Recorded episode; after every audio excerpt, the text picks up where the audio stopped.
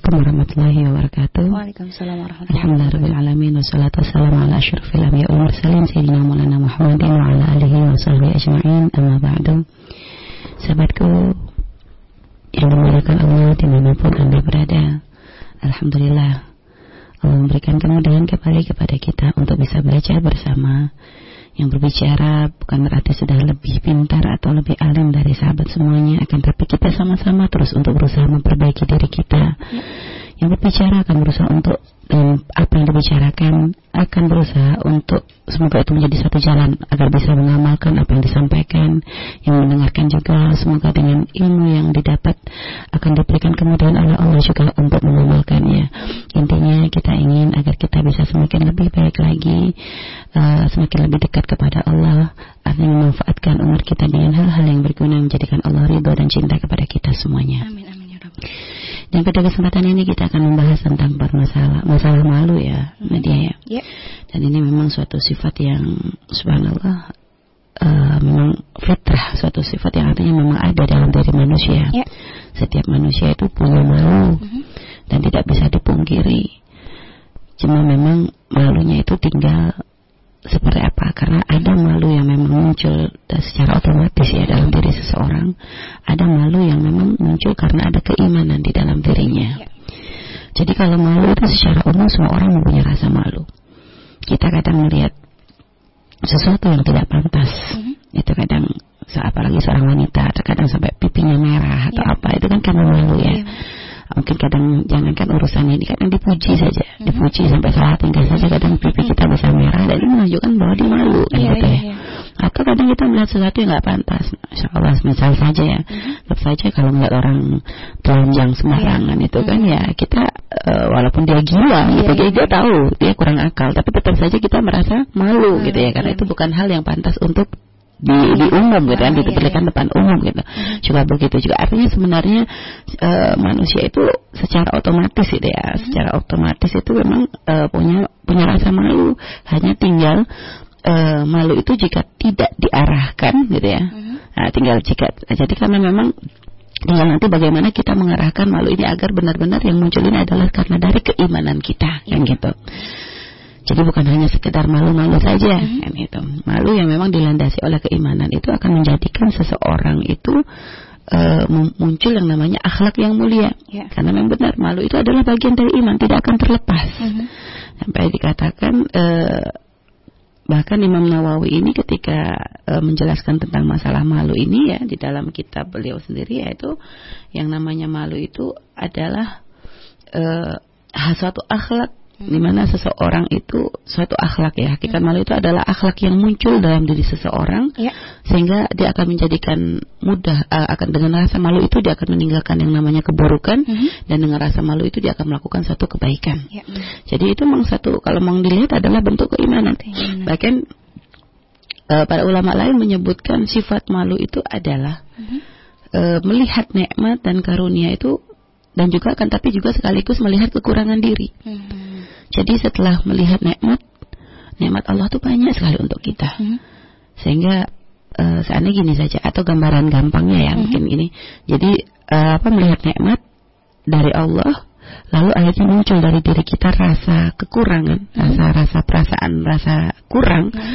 sehingga dari situ akan muncul rasa malu. Gambarannya gini saja Nadia. Kalau seandainya ada seorang terus berbuat baik kepada Nadia, Mhm. Buat Nadia diperhatikan bukan hanya urusan pakaian dibelikan ya. Setelah itu juga mungkin untuk pendidikan diperhatikan. Bukan cuma itu saja bahkan untuk keperluan pribadi pun Nadia diperhatikan. Mhm. coba dengan kebaikan orang yang terus menerus seperti itu Nadia akan muncul rasa malu tidak? Malu. rasa malu kenapa kok eh, tidak ya. ada perasaan rasa gimana ya perasaan wong saya ini saya belum saya belum bisa melakukan kebaikan untuk dia Mhm. kan gitu ya saya belum bisa melakukan untuk kebaikan untuk dia tapi dia kok baik banget sama Iya, saya merasa ada rasa eh, merasa saya itu tidak pantas untuk diperbaiki seperti ini Mhm. gitu loh karena kebaikan yang saya berikan kepada dia tidak sesuai dengan kebaikan yang iya. dia berikan kepada saya kan Iya, gitu iya. jadi akhirnya dari situ kita ada merasa tidak pantas lah sebenarnya itu kan perasaan secara otomatis ya Oh, iya, iya. ini pasti kalau kecuali orang nggak tahu diri deh kalau orang punya iman tentunya dengan kebaikan yang terus menerus dari orang sedangkan dia sendiri belum punya kebaikan tersebut akan muncul rasa malu Mhm, nah ini iya, iya. yang dimaksud dengan para ulama-ulama tadi definisi itu adalah seperti itu Mhm. artinya kita harus uh, kita harus menyadari itu dari manusia saja ya padahal hmm. yang diberikan manusia tidak ada apa-apanya dengan apa yang sudah diberikan oleh Allah gitu ya hmm. uh, yang diberikan oleh manusia tidak akan ada apa-apanya. Bahkan orang tua kita ya, itu adalah orang yang paling banyak memberikan untuk kita ibaratnya gitu ya, dari secara yang ada sekitar kita. -huh. oh, ini adalah Rasulullah tahapannya, cuma ini sekarang yang sekitar kita yang kita lihat ini uh -huh. uh, yang uh, apa yang dalam kehidupan kita sehari-hari orang tua uh-huh. dari mulai mengandung, melahirkan, yeah. ini membesarkan dan sebagainya kayaknya nggak ada pamrihnya kan uh-huh. gitu ya. Yeah. Padahal ya apa sih yang sudah kita anak berikan kepada orang tua nggak ada kan gitu yeah, ya. Yeah. Tidak ada.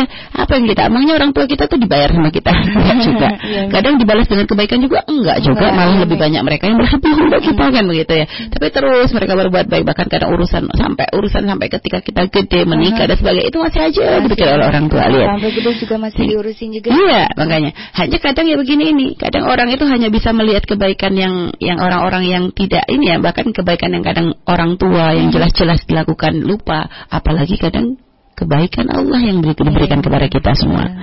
Makanya pernah juga uh, satu kisah gitu ya satu kisah indah ada uh, satu uh, ada seorang anak wanita yang dia tuh ribut dengan ibundanya uh-huh. ribut dengan ibundanya ngambek kan gara-gara sampai orang tuanya ibunda ibunya marah uh-huh. gitu kan karena anak perempuan ini ngelawan terus gitu kan setelah dikasih tahu lawan akhirnya eh, sudah kamu pergi aja kata ibunya dalam kondisi emosi kan yeah. karena pegel ini namanya kadang orang ya emosi ya begitu kadang yeah, berucap kalimat yang memang seharusnya nggak diucap gitu uh-huh. akhirnya anak perempuan ini pergi sambil marah gitu sambil nangis ya pergi dia jalan nggak bawa dompet nggak bawa apa gitu kan. Sampai akhirnya hujan. Karena hujan dia turun akhirnya dia berteduh di emparan toko gitu ya emparan toko begitu. Dia duduk di situ menunggu hujan tereda eh ternyata rupanya berteduhnya rupanya di dekat satu rumah makan gitu ya. Mm -hmm. karena rumah makan ya keciuman baunya yang, yang luar biasa ya hujan-hujan gitu ya. Ah, lagi lapar. Akhirnya dia ngerasa cuma dia kepengen banget cuma nggak bawa uang hmm. gitu kan. Mau pulang malu gengsi juga kan. Akhirnya tekan rumah makannya kebetulan lagi keluar. Ngelihat ada anak perempuan yang di pinggiran begitu sambil ngeliatin gitu nggak tega juga hmm. dipanggil. Nih sini masuk katanya. Hmm. masuk kamu makan katanya. Uh, tapi saya nggak bawa uang kata anak perempuan tadi. Nggak apa-apa katanya. Bapak kasihkan uh, bapak akan beri kamu nggak usah pakai bayar. -hmm. akhirnya dibikinin lah mie panas gitu ya. Mie panas kalau hujan-hujan diberikan kepada anak perempuan tadi. Ya tentunya ya bersyukur kan? Iya, iya. diberikan ini nak kamu makan. Apanya tapi saya nggak benar-benar kan sudah kamu tidak usah mikir kamu makan. Melihat kebaikan orang tersebut, anak perempuan ini nangis. Dia merasa terharu, dia dia merasa terharu. Kok subhanallah, padahal ini nggak kenal, gitu ya. Ini nggak kenal, tapi kok melakukan kebaikan seperti ini kan gitu. Akhirnya melihat anak perempuan tadi nangis, bapak tadi bertanya, Kenapa kamu nangis nak? Hmm. Uh, saya hanya merasa sangat terharu pak katanya. Bapak tuh orang yang nggak kenal saya gitu kan. Bapak nggak tahu siapa saya. Tapi bapak melihat saya diam di emparan begitu saja. Bapak panggil lalu bapak hmm. berikan saya makan ini. Dan memang dalam kondisi saya sedang lapar saat hmm. ini. Akan tapi ibu saya yang dari kecil bersama saya begitu enaknya mengusir saya itu dari rumah hmm. begitu enaknya menyuruh saya pergi dari rumah padahal saya ini kan anaknya hmm. kata begitu bapak tadi geleng-geleng kepala dengan apa yang disampaikan oleh anak tadi. Nak, nak, kenapa kamu tidak sadar? Mm-hmm. Kenapa kamu tidak sadar? Kamu merasa terharu dengan kebaikan Bapak. Padahal Bapak cuma memberikan kamu semangkok mie. Berapa banyak sudah ibu berikan selama ini? Iya, Ternyata bahkan kamu malah ribut dengan ibumu dan malah kamu dari rumah. Ya. ya. Kalau mau dibanding kebaikan bapak dengan kebaikan ibumu tidak ada apa-apanya. Ya. Kamu dengan satu kebaikan dari bapak saja merasa terharu. Hmm. Tapi berapa banyak kebaikan yang sudah ibumu lakukan untukmu? Akhirnya anak ini tersadar, terpukul dia. Iya ya. Kenapa kebaikan orang yang satu kali saja begitu nampak di depan matanya, tapi kebaikan ibunya yang setiap hari diberikan kepadanya, hmm. dari mulai kecil sampai memasakkan yang namanya mencucikan baju hmm. atau apa ini kan terus yang bukan hanya bukan hanya urusan ini saja yeah. bahkan kadang mencari biaya untuk kita Betul. sampai kadang urusan nikah pun ini ada sebenarnya urusan kita mereka juga berpikir yeah. bahkan setelah menikah pun kadang masih ikut-ikutan lagi urusan kita terus begitu terpukul anak ini baru dia sadar ya Allah ternyata benar ya yang dilakukan ibuku itu banyak gitu ya. Cuma ya sebenarnya makanya kadang orang tuh harus belajar ya ini. Mm -hmm. nah Baik, ini artinya kita kembali lagi kepada pembahasan malu tadi ya. Hmm. Artinya Allah berikan kepada kita tidak bisa kita hitung. Iya, betul. Ya, orang tua saja kita sudah nggak bisa menghitung, apalagi Allah. Iya, Mi. Allah yang menciptakan orang tua kita itu sendiri saja sudah nggak bisa dinilai oleh kita. Iya, Kalau iya. kita nggak diberi orang tua kayak apa? Kan gitu. Iya. Dengan Allah menciptakan orang tua, dengan Allah menciptakan di hati orang tua kita rasa kasih gitu ya, rasa kasih dan sayang. Dan dan subhanallah, saat ini kita gunakan untuk menghitung nikmat Allah ini tidak akan mampu gitu ya. Iya. Akan tetapi apa yang sudah kita lakukan untuk Allah? Apa yang sudah kita berikan? Mau dinilai dibalas dengan ibadah. Allah tidak butuh dengan ibadah kita sebenarnya ya. Iya, iya. Dan ibadah kita pun sangat tidak layak untuk kita jadikan sebagai satu balasan kan Iya. gitu ya. Apa yang bisa kita andalkan dari ibadah kita sholat? Berapa banyak sholat kita yang ternyata benar-benar mengingat Allah? Iya. Karena ternyata dari mulai salam, dari mulai takbir sampai salam, yang ingat Allah kadang hanya beberapa saat saja. Hmm. Bahkan kadang banyak lupanya, banyak lebih banyak lupanya. Bahkan kadang nggak ingat sama sekali. Ingatnya waktu takbir sama waktu salam saja lihat. Iya. Salat kita jadikan satu kebanggaan karena sangat-sangat banyak kekurangan kita. Mau dibilang puasa, kadang dengan puasa pun masih kita bermaksiat. Hmm. Mau dengan apa lagi? Membaca Al-Quran, kadang kita masih lebih sibuk dengan urusan yang lainnya. Mau dengan berbuat am- amal baik kepada manusia yang lain, kadang masih tidak sesuai dengan apa yang sudah Allah berikan kepada kita. Lihat. Iya. Jadi kalau ingin balas Allah dengan kebaikan yang kita lakukan tidak akan pernah seimbang gitu loh. Sehingga kalau seorang memahami makna ini, maka dia akan muncul. Seharusnya dengan dia mensyukuri nikmat Allah, Allah memberikan banyak kepada saya, sedangkan Iya. saya tidak bisa memberikan apa-apa. Saya tidak ibadah saya tidak layak dan memang kalau mau dilihat Allah tuh memberikan kepada saya kenikmatan ini pun sebenarnya tidak pantas gitu. Kalau lihat pantas tidak pantas saya tidak pantas kan gitu ya. Mhm. Karena kemaksiatan bahkan kadang dengan kebaikan Allah yang diberikan kepada kita, rahmat rahimnya Allah kepada kita, ternyata kita pun masih tidak sungkan-sungkan untuk melanggar Allah. Iya. Berapa banyak kadang orang tidak mau sholat, berapa banyak orang terkadang melakukan kemaksiatan yang dilarang oleh Allah dikatakan haram haram, berzina, Iya. melakukan banyak banyak kemaksiatan. Ini kenapa? Di hatinya sudah tidak punya rasa malu. Orang nggak tahu diri kan ibaratnya. Itu bahasa cara kita orang nggak tahu diri gitu. Udah dibaikin, eh malah ngelonjak kayak tadi aja Nadia. Ada orang baikin Nadia, ngebayarin ini semuanya. Tiba-tiba Nadianya kurang ajar, malah nyakitin dia. Anaknya juga, misalnya anaknya diusilin atau apa, Iya. mungkin hartanya diambil. Kurang ajar enggak gitu loh. Orang orang akan mengatakan apa? Orang ini nggak punya malu, nih orang nggak tahu diri kan gitu Iya, ya. Bagaimana orang sudah baik kok dibalas dengan seperti itu? Nah, seperti itulah sebenarnya kalau seandainya kita eh, sebenarnya menyambungkan Allah urusan Allah dan manusia nggak pantas gitu. ya. Hanya ini untuk memudahkan kita di dalam faham. Ya, seperti itulah orang kalau punya rasa malu dia akan merasa ya Allah yang kau berikan sudah banyak yang aku berikan aku masih belum bisa melakukan apa-apa. Iya. Kebaikan tidak ada nilainya. Maka para ulama kita itu kalau di saat mereka diberikan nikmat, mereka akan mengajarkan rasa makna mensyukuri nikmat Allah itu kadang dari hal-hal yang kecil. Kadang makan bareng dengan anaknya, dilihat ada makanan, lihat ini nak makanan begitu banyaknya. Allah berikan nikmat kepada kita ini ini ini apa sudah kita berikan untuk Allah. Dan lihat berapa banyak dengan semua kebaikan ini urusan masalah makanan saja, belum yang lain-lainnya ini nak. Ini nggak pantas kita ini. Ternyata kadang setelah Allah berbuat baik, kita habis makan, eh makannya malah digunakan untuk kekuatan agar bisa maksiat kepada Allah. Mana rasa malu? Jadi memang benar malu ini adalah adalah eh, keimanan. Malu itu adalah iman.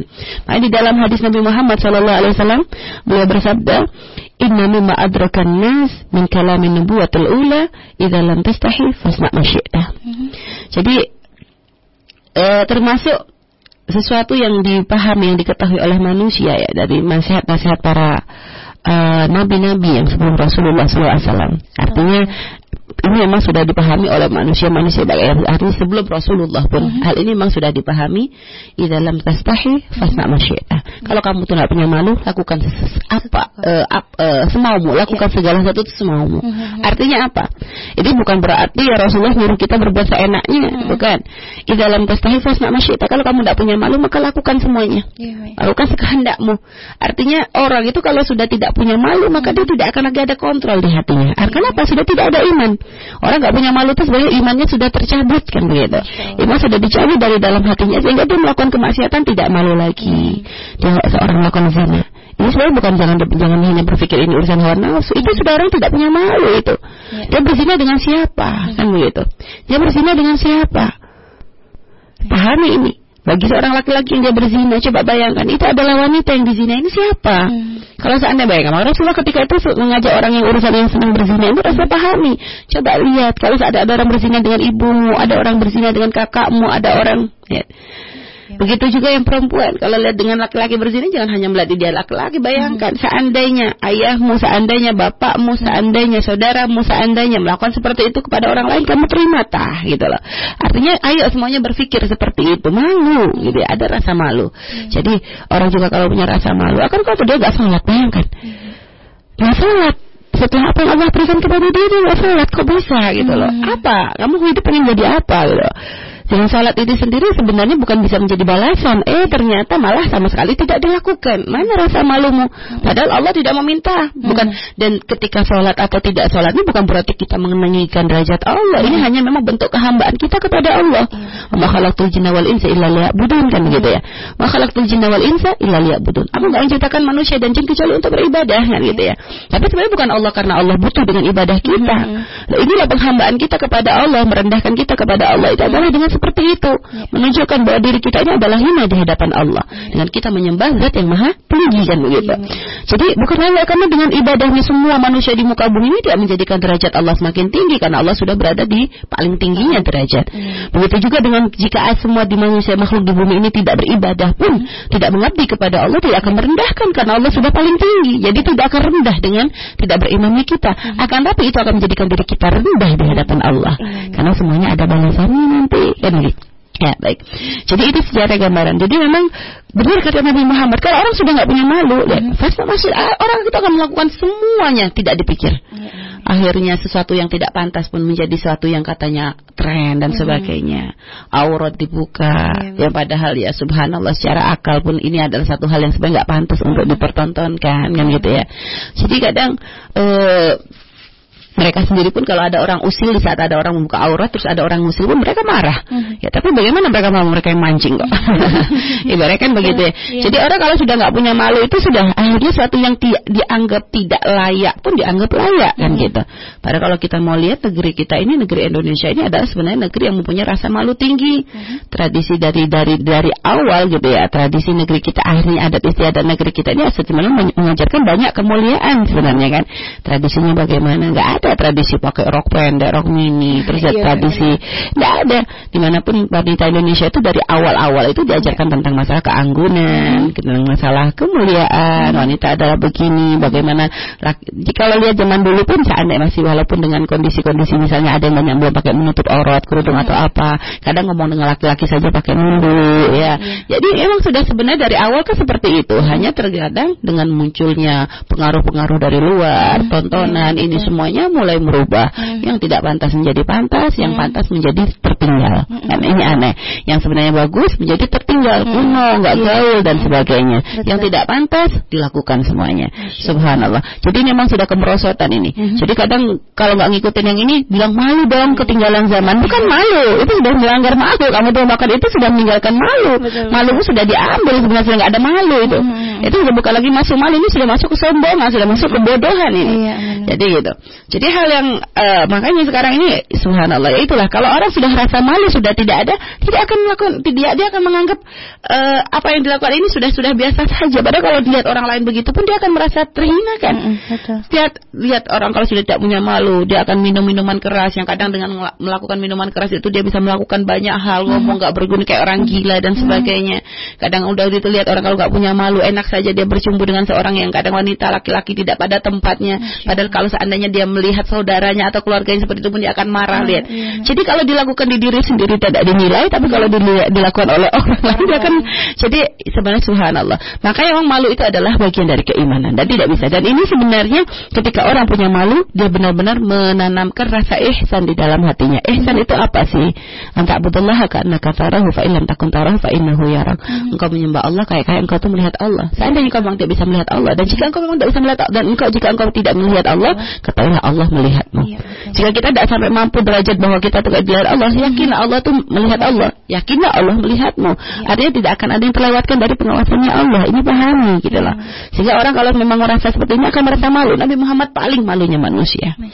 Rasa hemat malu. Malu dengan dengan Allah. Sehingga uh, apa namanya Nabi Muhammad dengan begitu bagusnya amalnya kecintaan Allah yang luar biasa kepada Iya. beliau akan tapi selalu merasa takut kepada Allah. Karena dari rasa malu itu akan memunculkan rasa takut untuk menyakiti untuk melanggar untuk berbuat tidak baik kan begitu? Iya, karena kalau punya malu begitu. Iya. ibarat ya nah dia tadi gambarannya yang paling gampang udah dibaikin orang. Nah dia punya rasa malu. Iya. nah dia akan takut kalau nanti dia marah kepada Nadia. Iya, jangan sampai dia kecewa dengan Nadia. Jangan sampai dia nanti merasa apa yang sudah diberikan ke ternyata tidak eh, kan begitu Iya. jadi ada ada timbal balik begitu ya Nadia ya nah ini dan muncul dari apa dari yang namanya rasa Malu. malu jadi memang itu adalah satu keimanan Iya. makanya Nabi Muhammad sendiri pernah Rasul memberikan pesan kepada para sahabatnya Iya. eh, Istahyu minallahi haqqal haya. Malulah dari Allah dengan malu yang sesungguhnya. Ini Nabi Muhammad maksudnya kenapa? Banyak orang malu gak sesungguhnya Iya, iya, betul. Banyak orang malu dengan gak sesungguhnya. Hanya karena kadang ya pakai baju yang ya Tidak sesuai dengan modenya sekarang. Malu ya Padahal bukan malu yang seperti itu gitu loh. Jadi istahyu minallahi haqqal haya Diulang-ulang oleh Rasulullah itu saat berkumpul dengan para sahabatnya Sehingga para sahabat bertanya Ya Rasulullah Kami ini malu ya Rasulullah? Alhamdulillah kami sudah eh, Kami malu. Kami sudah punya rasa malu itu Kata para sahabat bukan itu yang aku maksud Bukan malu-malu seperti yang kadang dipahami oleh pemahamanmu itu Bukan malu karena ya kadang ya itu tadi ada malu memang ya karena fitrah ya tadi ya Malu karena melihat apa-apa ini Ini malu yang muncul dari iman ini loh Mhm. ada Rasulullah pengen sahabat tuh pengen diarahkan malu yang maksudnya berhubungan dengan iman tuh apa? Ya. Di situ dikatakan walakanil istihya min Allah haqqal haya anta fadar ra'sa wa ma wa'a wal batna wa ma hawa. Nah, ini kan ya. Mhm. Jadi kalau orang tuh punya rasa malu itu eh, malu yang sesungguhnya karena Allah itu adalah hendaklah dia itu menjaga kepala Mhm. dan yang yang ada di kepala itu ya matanya kepala tuh apa aja sih pernah ada di kepala Iya, mata, mata, kita hidung. mulut kita telinga kita ya apa di situ bagaimana kalau orang punya malu nggak akan matanya pelolotan eh, apa Cici, apa, kok, apa sih namanya? Ya? matanya nggak dijaga lihat orang sini lihat ini lihat ini. jadi dia akan jadi dia akan menjaga mata dia punya malu gitu loh. Nggak akan matanya tuh eh, Tengok sana. nengok sana tengok sini apa sih Iya. eh, jelalatan. Eh, bahasa kok susah banget jelalatan ini ya. Iya. jelalatan. Kita sendiri kalau nggak ada orang jelalatan kita nggak nyaman kan? Coba saja. Anda lagi jalan tiba-tiba ngeliat ada orang ngedelikin aja tuh jelalatan. Dari awal akhir Iya. nggak nutup mata. Anda sendiri akan merasa risih kan begitu ya. nah kalau orang punya malu nggak akan dia akan melihat dengan pandangan seperti itu gitu. Itu satu aib satu suatu suatu penyakit yang luar biasa. Kalau ada orang suka matanya itu suka apa ya suka melihat suka eh, jelalatan itu tadi itu suatu suatu hal yang menunjukkan dia nggak punya malu gitu ya. Mulut juga begitu. Ada orang kadang mulutnya nggak kontrol apa apa diucapkan kadang ya dengan apalagi kadang ucapan-ucapan kotor dan sebagainya. Ini sebenarnya suatu hal yang menunjukkan dia tuh nggak punya rasa malu gitu. Karena kita kalau dengar orang ngomong kotor sendiri kita risih kan gitu ya. Bagaimana kadang ada perempuan begitu enaknya ngomong kotor sampai minta maaf kadang ada orang latah itu latahnya dengan omongan yang kadang naudzubillah latahnya itu latah nggak masuk akal latah ucapan yang sangat hina sekali ya menyebut kalimat-kalimat yang tidak bagus. Nah ini sebenarnya kan dia sebenarnya sudah kurang rasa malu gitu ya. Juga juga kalau kita ada kita melihat ada perempuan mencak-mencak memaki-maki orang lain kita menganggap ini perempuan kok nggak perempuan banget kan gitu ya. Itu sih saya sudah kehilangan rasa malu. Telinga juga begitu suka nguping omongan orang ya nggak ada perlunya nggak ada urusannya dengan dia. Dan ini sebenarnya dia sudah kehilangan rasa malu gitu loh ya. Makanya subhanallah kalau kita mau memahami ini berkaitan dengan semua kemaksiatan. Menggunjing orang lain mencaci maki orang lain mengolok orang lain. Dan ini semua dari apa? Dari tidak adanya rasa malu. Menggunjing orang lain bagaimana dia? Kalau orang punya malu nggak akan menggunjing orang lain. Akan bagaimana dia menggunjing kalau dia sendiri masih hina kok? Nah, jadi lihat matanya juga begitu. Jadi orang kalau punya rasa malu matanya akan dijaga mulutnya akan dijaga telinganya akan dijaga pikirannya pun akan dijaga. Tidak akan berpikir kecuali hal-hal yang akan menjadikan Allah ridha kepadanya. Betul. Lalu setelah itu eh wal bata wa ma hawa ya perut dan sekitarnya. Orang kalau punya merasa malu tidak akan memakan yang haram karena tahu di balik keharaman itu ada mudarat yang banyak baginya. Bukan hanya bagi jiwanya tapi juga bagi agamanya. Kan begitu ya. Dan juga berkaitan di situ orang yang merasa ini masih termasuk juga urusan minta maaf, masalah perut ini berhubungan juga dengan masalah eh, kemaluan dan sebagainya. Di situ orang kalau merasa malu dia tidak akan melakukan zina sembarangan, akan diberikan hanya kepada yang halal dan jadi ini adalah kontrol sebenarnya. Orang kalau punya rasa malu maka akan dibimbing oleh Allah untuk senantiasa melakukan hal-hal yang baik, hal-hal yang akan menjaga kemuliaan dia, yang akan tidak akan menghancurkan kehormatan dia di dunia dan di akhirat kan begitu ya. Jadi eh, apa? eh Jadi dan juga orang yang punya malu itu hendaknya selalu ingat akan mati. Ya kan? Kematian. Jadi kata ini dilanjutkan bahwa antas geral maut wal bala. Hendaknya dia itu selalu ingat kematian dan juga ya subhanallah bala atau adab atau akan apa yang akan diterima oleh dia nanti. Itu tuh harus dipikirkan rasa malunya. Karena sampai dikatakan orang ahli maksiat nanti di akhirat itu ketika mereka uh, ber, di, akan menerima buku dari amal dari nanti tangan kirinya. Dia akan merasa sangat malu di hadapan manusia semuanya. Akan rasa malu gitu loh. Dia merasa subhanallah ini akan dibuka dan lagi nanti digambarkan bahwa nanti di akhirat setiap orang itu akan diminta pertanggungjawaban itu untuk amal-amalnya. Mm-hmm. sehingga akan diperlihatkan semua amal-amalnya itu yang baik yang buruk. Jadi kayak mungkin kayak kita tuh nonton nonton nonton ini ya. Jadi jangan gambarin kayak nonton ini ya. Kayak nonton video, gitu ya video iya. atau apa gitu ya. Atau jadi nonton bioskop tapi pemainnya kita coba. Rekaman rekamannya itu kita membayangkan saja seandainya kita direkam dari mulai kecil sampai hmm. gede gitu. Dari mulai, mulai kita dihisap di situ kita kelihatan semuanya dari hmm. apa yang kita lakukan kebaikan sampai yang maksiat kita malu enggak kita itu hmm. dipertontonkan di hadapan manusia semua apa yang sudah pernah kita lakukan malu tidak aib kita di dibuka di situ, ini semua dibuka di situ. Malu kita. Kita kan merasa sangat malu saat itu. Ya itulah makanya dipikirkan ini ingat itu akan terjadi pada kita kalau kita tidak merasa malu dari saat ini. Kalau kita tidak merasa malu saat ini kita akan dipermalukan dengan oleh Allah nanti di akhirat. Nauzubillah. Makanya memiliki rasa malu itu dari sekarang agar aib kita tidak dibuka nanti oleh Allah di akhirat. Sehingga kita tidak akan merasa malu di hadapan manusia. Minta kita kepada Allah. Tutup dengan rasa malu sekarang ini. Semuanya jadikan rasa malu itu sebagai kontrol kita. Lalu faman fa'ala dzalika faqad istahya minallahi haqqal haya. Yang sudah melakukan hal tersebut maka sungguh dia telah memiliki rasa malu dari Allah kepada Allah dengan rasa malu yang sesungguhnya. Nah, ya. Jadi sampai Rasulullah itu mengulang kalimat ini itu terus menerus uh mhm. -huh Sampai-sampai para sahabat itu menangis dengan ucapan Rasulullah. Aja mulai mengontrol. Ternyata benar mereka banyak. Kadang kita ini nggak punya malu kepada Allah. Kadang kita masih banyak kemaksiatan yang kita lakukan. Masih banyak hal-hal yang tidak baik yang kita lakukan. Dan ini menunjukkan bahwa kita masih kurang kurang malu kepada Allah Subhanahu Wa Taala. Hmm. Semoga Allah menjadikan kita manusia-manusia mulia, wanita-wanita yang mulia yang punya rasa malu yang sesungguhnya kepada Allah. Rasa malu akan menjadikan kita menjauhkan diri dari kemaksiatan. Rasa malu akan menjauhkan menjadikan kita semakin taat kepada Allah. Rasa malu yang selalu menjadikan kita selalu berpikir untuk hari akhir ya. Dicabut oleh Allah, di saat kita menghadapi kematian lalu di akhirat nanti.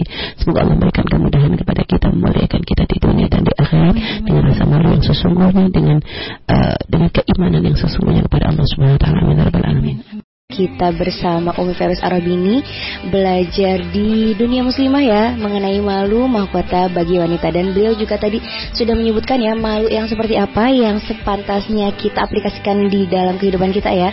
Bukan malu yang tidak mengikuti tren saat ini tapi malu yang tentunya uh, ber, yang menjadi cabang keimanan itu ya Mi ya, ya muncul dari murakabatullah itu ya. Betul, betul. jadi sifat malu yang muncul dari rasa selalu diawasi oleh Allah Subhanahu wa taala itu yang iya. malu yang sesungguhnya. Iya, benar. Dan mungkin tambahan mungkin ya mm-hmm. kalau memang mau belajar dari muslimah muslimah yang memang uh, dengan rasa malu yang ditunjukkan ini ya contohnya adalah Sayyidah Fatimah Zahra ya, yeah. mungkin sering sekali Buya menceritakan tentang masalah ini mm-hmm. bagaimana beliau ketika melihat ada seorang jenazah yang diusung itu kan beliau yeah. menangis gitu kan mm-hmm ditanya kenapa oleh Sayyidah Asma itu ya mm-hmm. itu dia beliau merasa malu bahwa, nanti di saat beliau meninggal pun akan dibawa seperti itu mm-hmm. akan dibawa dengan ditutup kain kafan yeah. yang di situ nanti tentu akan memperlihatkan lekuk-lekuk tubuh ya. yeah. ini rasa malu karena karena memang ada keimanan di situ yeah, bukan rasa malu udah mati kok mau ngapain jadi mm-hmm. kalau orang punya rasa malu yang luar biasa itu mm-hmm. kedekatannya dengan Allah luar biasa mm-hmm. ini akan menjadikan dia merasa malu untuk hal-hal yang sebenarnya tidak seharusnya untuk tidak tidak menjadi tanggung jawab dia kan mm-hmm. gitu Betul. Karena orang meninggal sudah nggak ada seandainya minta maaf, seandainya ada orang meninggal di bawah telanjang aja nggak dosa untuk meninggal kan, mm -hmm. tapi dosa bagi yang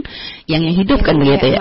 Jadi sebenarnya bukan tanggung jawabnya saya Fatimah, karena mm -hmm. belum merasa malu saat itu. Yeah. Bayangkan rasa malu Uh, seandainya nanti beliau dibawa, nanti terlihat lekuk-lekuk tubuhnya, beliau benar-benar ingin menjaga. Selama hidup oleh beliau dijaga, jangan sampai nanti ketika akan menghadap Allah ternyata malah tidak terjaga. Lihat. Jadi rasa malu itu karena rasa begitu takutnya dari selama ini sudah menjaga dirinya sudah selalu dijaga oleh Allah swt. Ya. Jadi akhirnya benar-benar ingin dari awal tuntas gitu. Ya. Kalau kemuliaan itu tuntas gitu sampai menghadap Allah pun dalam keadaan tetap tetap, tetap terjaga kan gitu ya. Subhanallah ini kan bentuk suatu keimanan. Ini rasa malu yang sesungguhnya ya seperti ini kan gitu. Tidak ingin terlihat oleh siapa siapa pun kecuali hanya orang yang layak untuk memang yang memang untuk melihat suaminya kan gitu ya. Lalu ini ini ini keimanan ya keimanan ini satu contoh yang luar biasa. Ini meninggal saja padahal nggak dosa. Beliau Iya. pikir lah sekarang ada orang hidup loh ya.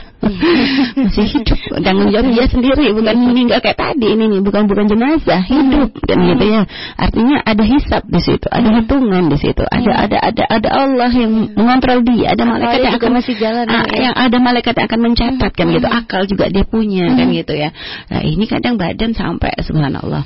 Sampai kadang ya eh, benar-benar diperlihatkan semuanya kan gitu. Untuk apa kan gitu sebenarnya itu malah menunjukkan eh, apa ya menunjukkan kehinaan dirinya gitu loh. Seakan-akan dia nggak punya modal kecuali itu. Jadi dia ngerasa kalau nggak menunjukkan lekuk-lekuk tubuhnya nggak jadi perhatian orang kan gitu ya. Kenapa harus menjadikan perhatian dengan tubuh? Tubuhmu tuh berapa lama sih bertahan? Kan gitu ya. Iya. Jadi kalau ingin mendapat perhatian orang tuh bukan dengan hal-hal yang sementara-sementara begitu, dengan hal yang abadi, dengan hal yang memang akan menjadikan orang itu terkenang dengan kebaikanmu gitu loh. Jadi jangan-jangan hanya mendapat kekaguman sesaat kan gitu. Iya, Jadi orang yang ya jadi memang kadang ada kesalahan di situ. Iya. Ya juga Sayyidah Siti Aisyah coba bayangkan ketika Rasulullah bercerita bahwa nanti di hari kiamat itu bahwa nanti semua manusia ini akan digiring dalam keadaan telanjang. Siti Aisyah mikir gimana? Ya Rasulullah katanya, semuanya akan dengan, telanjang kata. Apakah kami tidak akan merasa malu saat itu? Jadi mikirnya tuh sudah malu. Padahal nanti hari akhirat loh ya. Allah menjadikan semua orang akan digiring dengan keadaan telanjang lihat. Siti Aisyah mikir rasa malunya waktu itu gimana? Sampai akhirnya kata Rasulullah tidak akan ada rasa malu karena sudah orang tidak lagi berpikir kepada orang lain. mikirin sudah dirinya sendiri. Rasa takut yang teramat sangat itu menjadikan orang sudah nggak bisa berpikir macam-macam. nggak ada awalnya ini. ini telanjang dilirik nggak ada nggak sempat ngelirik orang lain. Itu sudah melihatnya adalah diri sendiri. Tapi yang harus kita pahami pertanyaan Siti Aisyah itu kenapa muncul? Mm-mm. itu muncul karena ada rasa malu di dalam dirinya Iya, di dalam diri beliau. Dan ini kenapa kok bisa muncul? Ada keimanan. Nah baliknya lagi di situ. Jadi nanti pembahasan malu itu panjang ya Nadia ya. Nanti kita juga akan bedakan antara malu dengan khajal. Khazal. Khazal. jadi ada satu sifat khajal itu ya. Eh khajal itu adalah suatu sifat eh, khajal itu pemalu Oh iya. beda malu dengan pemalu, Pemalu, gitu iya, ya. iya. Jadi ada orang punya sifat eh, punya watak eh, pemalu Pemalu. itu lah ini beda dengan malu. Mhm. Kalau yang pemalu yang modal begini ini on- ini adalah muncul dari ketidakpercayaan diri. Hmm, iya, iya, betul. ya kalau pemalunya memang pemalu untuk ini sih ya wajar ya. Cuma kadang pemalu yang ini karena biasanya muncul umumnya sifat yang orang-orang pemalu itu muncul karena ketidakpercayaan diri. Iya, Dia pengen pengen nanya malu. Malu. Ini malu. Bergaul dengan suruh-suruh apa ber, ber- apa kenalan sama ini sahabatnya malu, ini malu, semua malu. Nah ini bukan ini bukan bukan malu yang dicari ini. betul. Sampai kalau malu yang urusan itu Rasulullah malah eh, agak dikecam bahwa agama ini bukan untuk orang yang pemalu model kayak gitu gitu loh. Bukan untuk orang yang model pemalu. Suruh ngingetin malu lah. Suruh- nah, jadi bedakan antara malu dengan pemalu dan nanti untuk untuk apa? Untuk lebih jelasnya insya Allah karena ini memang panjang nanti kita bahas pada pertemuan berikutnya insya Allah berarti iya. masih ada berapa dua dua pertemuan mungkin untuk masalah malu ini ya, Iya, insya Allah. dan juga Nadia sempat keingetan eh, apa namanya karena sekarang lagi tren ini ya. Eh eh, apa namanya aura tertutup cuma jadi keingetan lepet jadi aura tertutup tapi tetap lekuk tubuhnya terlihat semuanya sangat Ah, terlihat. ah. Jadi memang ya apa ya itu tadi karena Ah. memang eh pakai baju tapi seperti telanjang kan Iya, gitu ya ini betul, digambarkan. Jadi memang aura tertutup tapi kadang bentuk tubuhnya semuanya atas bawah nggak ada yang nggak nggak nggak nggak nggak tertutup Iya. gitu ya semuanya terlihat. Mhm. Orang malah lebih vulgar di dalam membayangkan kan Iya, gitu iya, ya. iya, betul. Hanya ditutup dengan selapis kain apa sih yang tidak bisa digambarkan dengan bentuk yang seperti itu kan Iya. gitu ya. Ya paling tidak eh, wahai wanita muliakan dirimu gitu ya. Jangan sampai orang menggambarkan melihat dirimu itu sampai membayang-bayangkan waduh kalau aslinya ini kayak apa ya. Jangan sampai kita menjadikan orang tuh timbul pikiran kotor pada kita. Iya, betul. kita tuh jaga diri kita, kita dimuliakan oleh Allah ya. Jadi nggak apa-apa kalau memang memang seandainya pun kita pakai baju yang misalnya minta maaf ya mungkin agak-agak membentuk ya. Paling tidak tutupi dengan kerudung yang sekiranya bisa menutupi bentuk-bentuk itu pakai kerudung yang besar. Artinya jangan sampai merasa nyaman ya dengan baju-baju yang seperti itu gitu Iya, ya. iya. Jadi ini adalah keimanan sebenarnya. Berbicara adalah keimanan di sini. Jadi eh, intinya kalau orang punya iman, dia akan merasa malu ya. Kadang kita saja kalau ngeliat ada orang lain bentuk-bentuknya sampai ngepret, kan kita sendiri merasa tidak nyaman gitu ya. Bagaimana kalau itu yang dilihat? Kalau ada orang lain melototin badannya ini aja kita kadang ngerasa nggak nyaman gitu ya. Bagaimana kalau badan kita yang dilihat kan gitu ya. Jadi subhanallah muliakan diri kita karena kita sudah di, eh, oleh Allah sudah di apa ya? Sudah dimuliakan sebenarnya ya, dengan keislaman kita ini dengan datangnya Islam kita sudah dimuliakan maka jangan direndahkan lagi. Yang gitu ya baik Allah alam besar.